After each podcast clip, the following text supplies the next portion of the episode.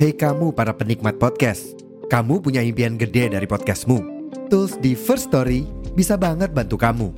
Mulai dari F-Link, Dynamic Audio Insertion, sampai statistik yang komprehensif, semua ada di First Story.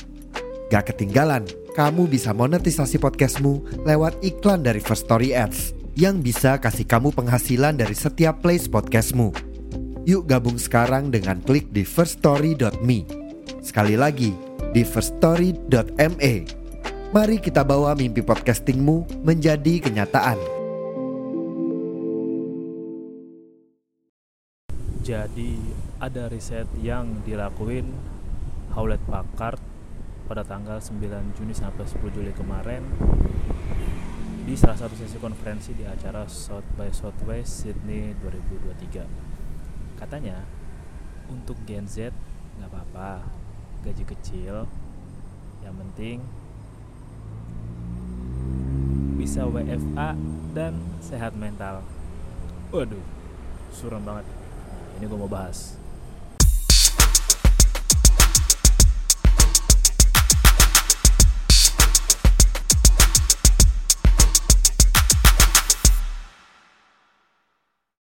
Gue mohon maaf sebelumnya kalau emang suaranya bising dan banyak kendaraan lewat. Ini gue rekam di Taman Suryo hari Jumat. Jadi lagi chill dan ya waktu luangnya lebih banyak. Jadi gue bisa bikin ini di luar. Tentunya sambil ngopi Starling andalan kita. Banyak juga nih abang-abang Gojek yang ngadem juga di Taman Suryo ini. Jadi ya kalau mau ngobrol ya bahas-bahas podcast, lu bisa temuin gue. Kadang gue di sini sih di Taman Suryo hari Jumat jam setengah satu lah. Nah, yang tadi gue bacain itu riset dari Hewlett Packard. Risetnya itu nggak cuma dari Indonesia doang, tapi ada dari negara-negara lain.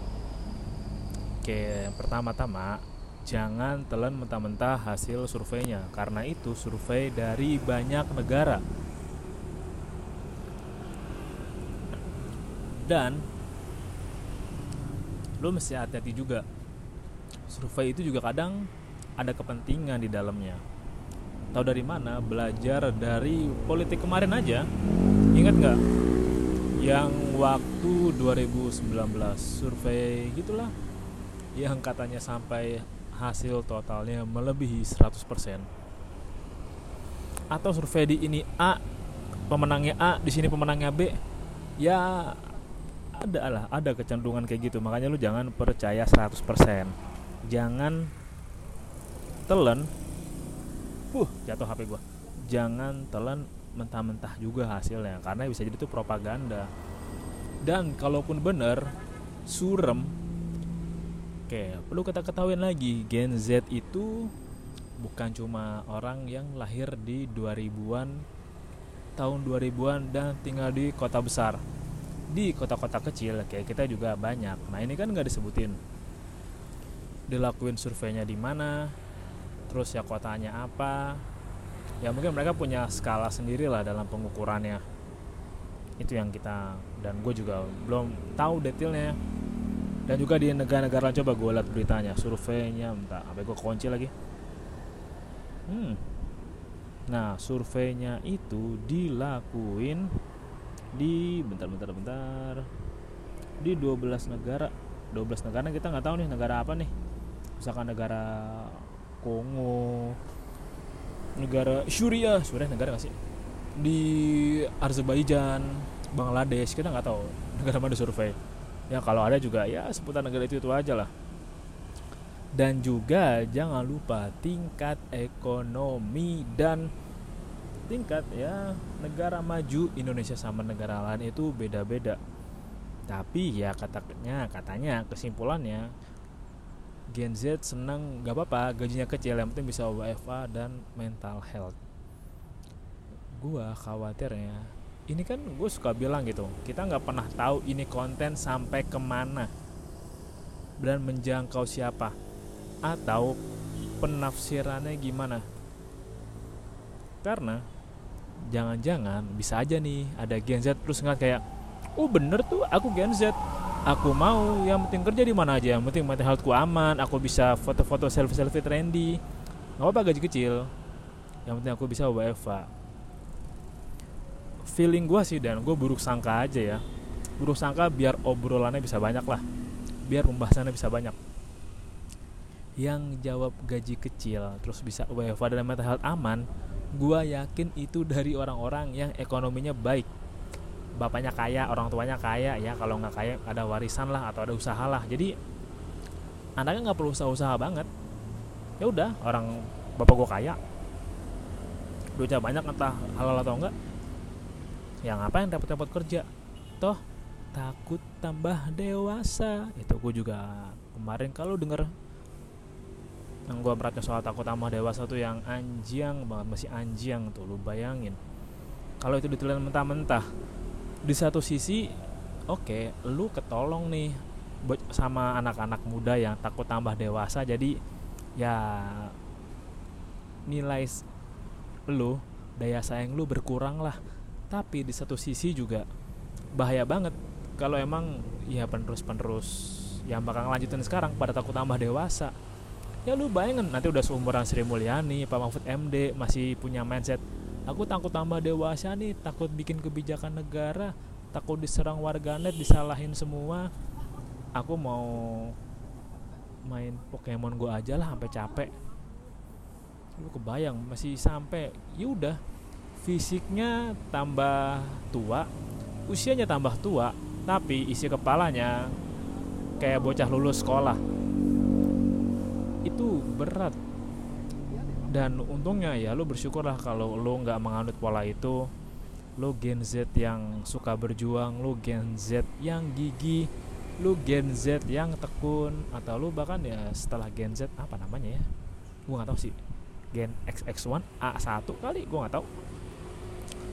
Itu kalau emang lu berjuang ya bagus. Dan ya lo kalau ekonomi lu udah mapan gitu orang tua lu udah kaya ya nanti pasti juga orang tua berusaha menuruni kekayaannya atau kalau orang tua lu punya jabatan ya pasti orang tua berusaha meneruskan jabatannya ke anak. Iya yeah, nanti nanti nanti.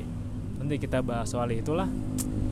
Menyimak dulu apa yang terjadi pada Mas Gibran dan Pak Bowo.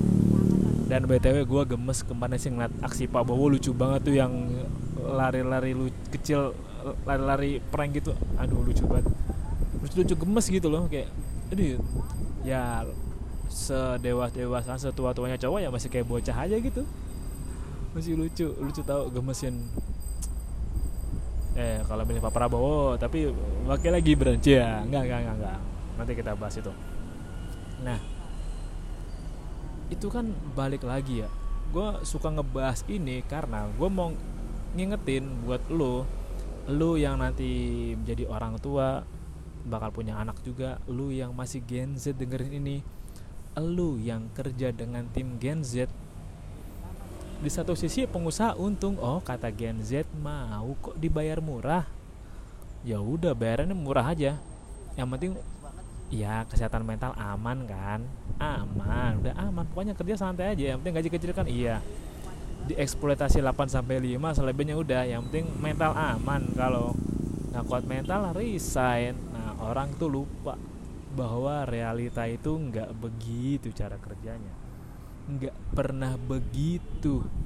Makanya tadi gue bilang orang yang bilang ya nggak apa-apa lah gajinya kecil yang penting mental health aman. Ya orang tuanya kaya. Nggak kerja pun orang tuanya masih bisa menuhin kebutuhan sehari-hari ya makan minum walaupun makannya nggak enak-enak ya nggak mewah banget biasa aja. Masih ada rumah masih ada makan masih ada minum bisa di provide atau disediakan lah. Tapi permasalahannya kan Gen Z itu bukan di Jakarta doang. Ini gue juga baru berpikiran terbuka gitu baru sadar gue oh iya Gen Z nggak cuma di Sudirman doang ya yang angkatan-angkatan bocah-bocah cita aja fashion week itu tapi ada yang dari Papua, Sorong, Manokwari, Sulawesi, Sabang, wah banyak tempat lah. Itu juga punya Gen Z.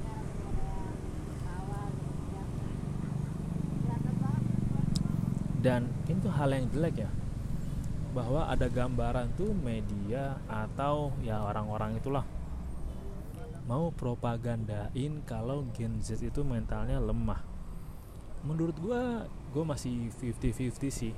Menurut gue mentalnya nggak lemah tapi ketersediaan peluangnya makin banyak realita tantangan yang akan mereka terima udah kegambar.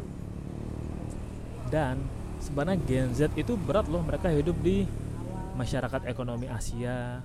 Mereka hidup di tempat yang udah warganya eh boleh datengin TKA TKA itu emang anda kira di daerah samping pertambangan Freeport atau di Kalimantan memang tidak ada Gen Z di sana? Tentu kan mereka kayak hmm porsiku dikalahkan TKA ya hmm pekerjaanku diambil TKA kata pemerintah ya murahan TKA ya mereka tuh profesional kok ahlinya kok yang bisa bantu bantu bantu.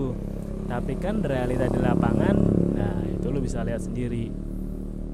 Ya, gue bisa bilang gitu karena gue pernah lihat juga tuh TKA izinnya sih kita tapi ya nggak tahu lah. Teknisnya gimana tapi sih kayaknya udah tutup sih pabriknya udah tutup lah. Nah balik lagi sebenarnya emang lu mesti bersyukur kalau lu lahir lu sebagai Gen Z lu lahir 2000-an atau ya 97 98 99 ya 2000 ke atas. Lu punya orang tua yang ya ada yang old money atau berjuang udah sudah enak lah. Tapi ingat juga yang namanya keadaan itu bisa zet berubah tiba-tiba semalam. Dalam semalam dalam sejam karena ini gue ngambil dari bukunya Noam Chomsky ya yang dibilang kan ya saat itu kayak tahun 98 aja perekonomian Indonesia itu hancur enggak dalam satu hari enggak dalam hitungan menit. Menit ketika orang-orang Amerika memindahkan uang ya dari Indonesia keluar pindahin uang pakai komputer kan nggak lama ya nggak lama tau. Itu lo bisa baca di buku Noam Chomsky How the World Works bagaimana dunia bekerja nanti ada dibahas tuh soal Indonesia. Apa yang terjadi di Indonesia kala itu. Dan hal-hal lainnya lah yang lu bakal kaget bahwa banyak sejarah yang gak ada di buku sekolah tapi ada di situ. Dan gue percaya dengan riset Noah Chomsky karena dia punya pendidikan akademisi dan memang pemerhati soal politik dan kenegaraan. Nah balik lagi orang tuh lupa. Ya makanya mungkin emang gue iri sama teman gue yang hidupnya lempang lurus. Tapi gue unggul dari dia dan ini yang mesti lo tahu buat bahan lo percaya diri kita tuh kadang binder gitu karena kita nggak tahu nilai plus kita apa dibanding anak-anak yang hidup dari privilege anak-anak yang hidupnya lempeng dibantu mulu kita punya keuntungan karena kita punya ketahanan mental yang lebih kuat. Daya juang dan tahan banting kita lebih kuat. Gue bisa bilang gini karena asli namanya usia, status kesehatan tuh bisa berubah dalam hitungan menit loh. Ya semudah membalikan telapak tangan. Ujung-ujungnya kalau yang orang-orang yang mental yang nggak kuat ini lemah ini ketika jatuh ya udah aku mau ke mana ya? Aku mesti ngapain ya? Apakah aku mesti jadi deadwood? Apakah aku akan diurusi negara seumur hidupku? Nah ini yang nggak tahu kan. Nah gue juga mau masuk nih ke pembahasan utama. Oke dengerin. Kalau lu Gen Z atau bahkan lu siapa pun lah yang memilih untuk bekerja dan menormalisasi bayaran kecil yang penting kesehatan aman kesehatan mental aman hidupnya aman. Oke. Okay. kalau lu punya pengendalian keuangan yang bagus dan lu punya tujuan keuangan yang bagus itu nilai plus. Pertahankan tingkatkan perhitungan keuangan lu. Jangan sampai kecelek. Dan kalau ada apa-apa lu punya dana darurat. Tapi ketika lo hidup day by day hedon senang-senang mulu. Terus lu berharap pada malaikat datang ngurusin lu kayak nggak apa-apa lah gaji gua kecil. Yang penting ya gua bahagia kok gua bahagia. Terus gue bisa kerja dari mana aja kerja dari Bali kafe taman rumah orang. Lu mesti ingat nyeselnya itu bukan lu di usia 22 23 enggak lu bakal nyesel kalau usia lu udah tua. Yakin gua. Yakin. Mungkin saat itu bilang Z bilang oh gadget umur 21 udah 23 udah 21 sampai 24 lah nggak apa-apa lah gaji gua kecil. Yang penting mental health aman. Lu terusin lu terlena di gaji kecil. Umur 30 lu nggak punya apa-apa. Kalaupun ada nggak banyak. Nggak apa-apa kan ada peleter bahkan ada juga yang kejebak peleter di usia muda. Gua suka nerima ada orang yang gua tahu lah. Mungkin nggak Gen Z juga milenial gitu. 4-5 tahun di bawah gua.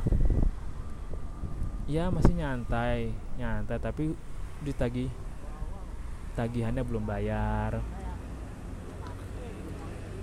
Mungkin juga dia dapat letter gue nggak tahu kerugian lo itu berasanya nanti nggak sekarang. Makanya kalau lo mau hidup males-malesan ya lo mudanya gigih dulu berjuang dulu. Gue juga termasuk yang nyesel coba gue bisa lebih gigih dan disiplin. Coba gue dari awal dari kuliah malah gue udah biasanya disiplin. Udah berasa pasti sekarang gue coba gue mulai podcast duluan pas zaman kuliah 2011 2012 udah nampak gue sekarang yakin gue karena kan emang tujuan gue kan ketika melakukan sesuatu ya belajar bertahap bertahap tambah tambah tambah. Tapi ketika lu udah terlena dengan hal yang lu lakuin biasa aja. Semuanya kelihatan mudah oke. Okay. mau melakukan itu sampai tua ya nanti lu jangan kaget ketika keadaan tiba-tiba berubah. Banyak hal terjadi di luar bayangan yang lu gambarin dan lu nggak punya ketahanan apa-apa. Kayak covid kemarin udah banyak orang yang shock karena nggak punya dana darurat. Sudah bisa nyaman kayak ah nggak apa-apa kok nyicil barang bagus. Besok masih gajian. Ah nggak apa-apa kok. Pakai peleter tuh juga besok masih ketutup. Gua ada lembur. Ah nggak apa-apa. Gua beli barang ini tuh yang nggak penting toh kalau butuh uang. Ya lemburnya banyakin aja. Ntar anjing panas banget. Tadi kena matahari ternyata gua. Silun pantesan gua kuyup panas mana mulus lagi anjing. Nah balik lagi. Nah makanya kayak gitu lu aduh.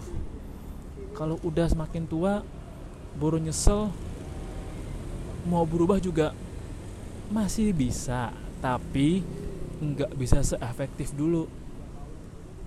Kan ada orang yang bilang tak ada kata terlambat. Wih.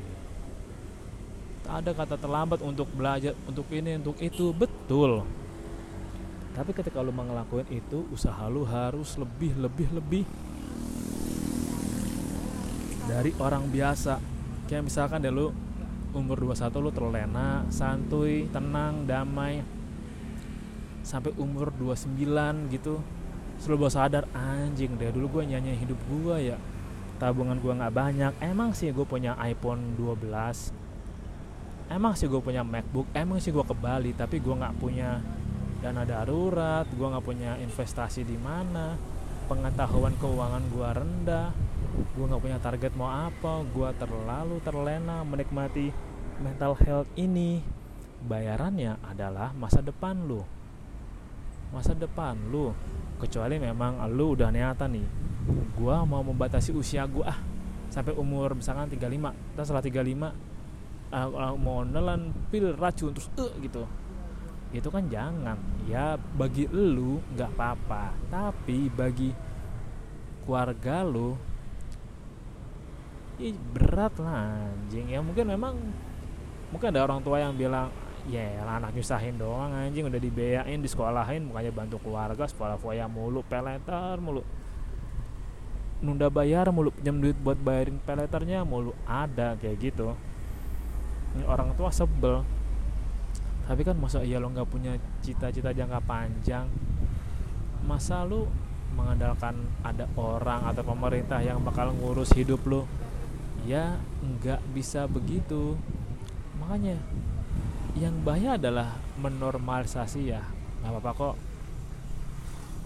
Ya digaji kecil asal bisa WFA dan mental health aman. Mental health apa Emang kenapa mental health lo sebegitu ringkihnya? Mental health lo sampai lu perlu dibantu ditolong dan gak boleh kenapa-napa. Sebegitu ringkihnya mental health lu. Mental itu mesti ditempa dilatih dijadiin kuat. Ya karena kalau mental health lu lemah ya lu nggak bisa ngapa-ngapain. Terlalu takut ini takut itu. Lu menjadi orang yang nyebelin nggak punya temen si paling sempurna si paling takut mental health. Semua orang ha, semua orang ketika dewasa tuh pasti punya lah punya mental health yang keganggu. Yakin gue tapi ya tetap ada yang berjuang ada yang ngelawan ada yang pasrah udahlah mental mental healthku aku gampang jatuh aku ringkih aku emang takut tambah dewasa. Ada yang kayak gitu. Tapi ya sekali lagi gue bilang jangan iri sama orang yang punya mental health lebih dari lo dia sukses karena dia berjuang. Jangan pernah iri dan lu nggak boleh nggak layak lu iri nggak pantas lu iri. Asli. Memang sih emang lagi tren soal WFA atau soal ya mental health. Apalagi Gen Z kan yang work life balance tapi dia lupa untuk menyeimbangkan sesuatu juga perlu menjaga sesuatu dengan sangat baik. Ya untuk menyeimbangkan dua hal ya perlu penyeimbang yang bagus. Seenggaknya kita kalau berjalan di atas tali dengan dua tongkat dan bawa misalkan bawa uh, benang sama batu lo perlu keahlian yang hebat untuk bisa menjaga itu tetap seimbang sambil lu jalan. Ya kepleset dikit nggak apa-apa lah. Walau terjatuhnya jauh itu lo mesti hati-hati dengan menormalisasi yang kayak gitu. Nggak ada gunanya tau. Malu lah. Kenapa gue bilang gitu? Karena ya salah satu wahai manusia ya berjuang. Evolusi itu emang berjuang tau. Merubah nasib itu berjuang tau. Karena kan emang di Al-Quran dibilang Tuhan Allah Subhanahu wa taala nggak mau merubah nasib kalau manusianya nggak mau merubah nasibnya sendiri. Udah dibilangin di awal emang kita di koldratin tuh buat berjuang, buat berjuang. Mencari keadaan yang kita pengen ya. Kalau udah pengen ya udah pertahankan atau tambah lagi tambah lagi. Nah sayangnya emang banyak yang kejebak dengan kata-kata itu kayak aku mau tetap ada di zona nyaman lah. Padahal dia lupa zona nyamannya berasal dari orang tua dari keluarga lah. Bukan dari usahanya sendiri. Ketika semua itu hilang tiba-tiba entah karena satu lain hal ketika lu nggak bisa apa-apa yang rugi hanyalah lu sendiri. Dan lu nggak bisa move on dari kejayaan masa lalu lo dan ya udah lu makin jadi kayak orang mati. Fisiknya ada badannya ada di KTP ada di sensus ada tapi nggak punya jiwa ke mana-mana. Dan itu nggak enak beneran asli. Sih yang mau gue share di episode kali ini. Kenapa gue ngantuk ya? Baru makan terus ngopi gue ya udah sampai jumpa di episode berikutnya. Bye bye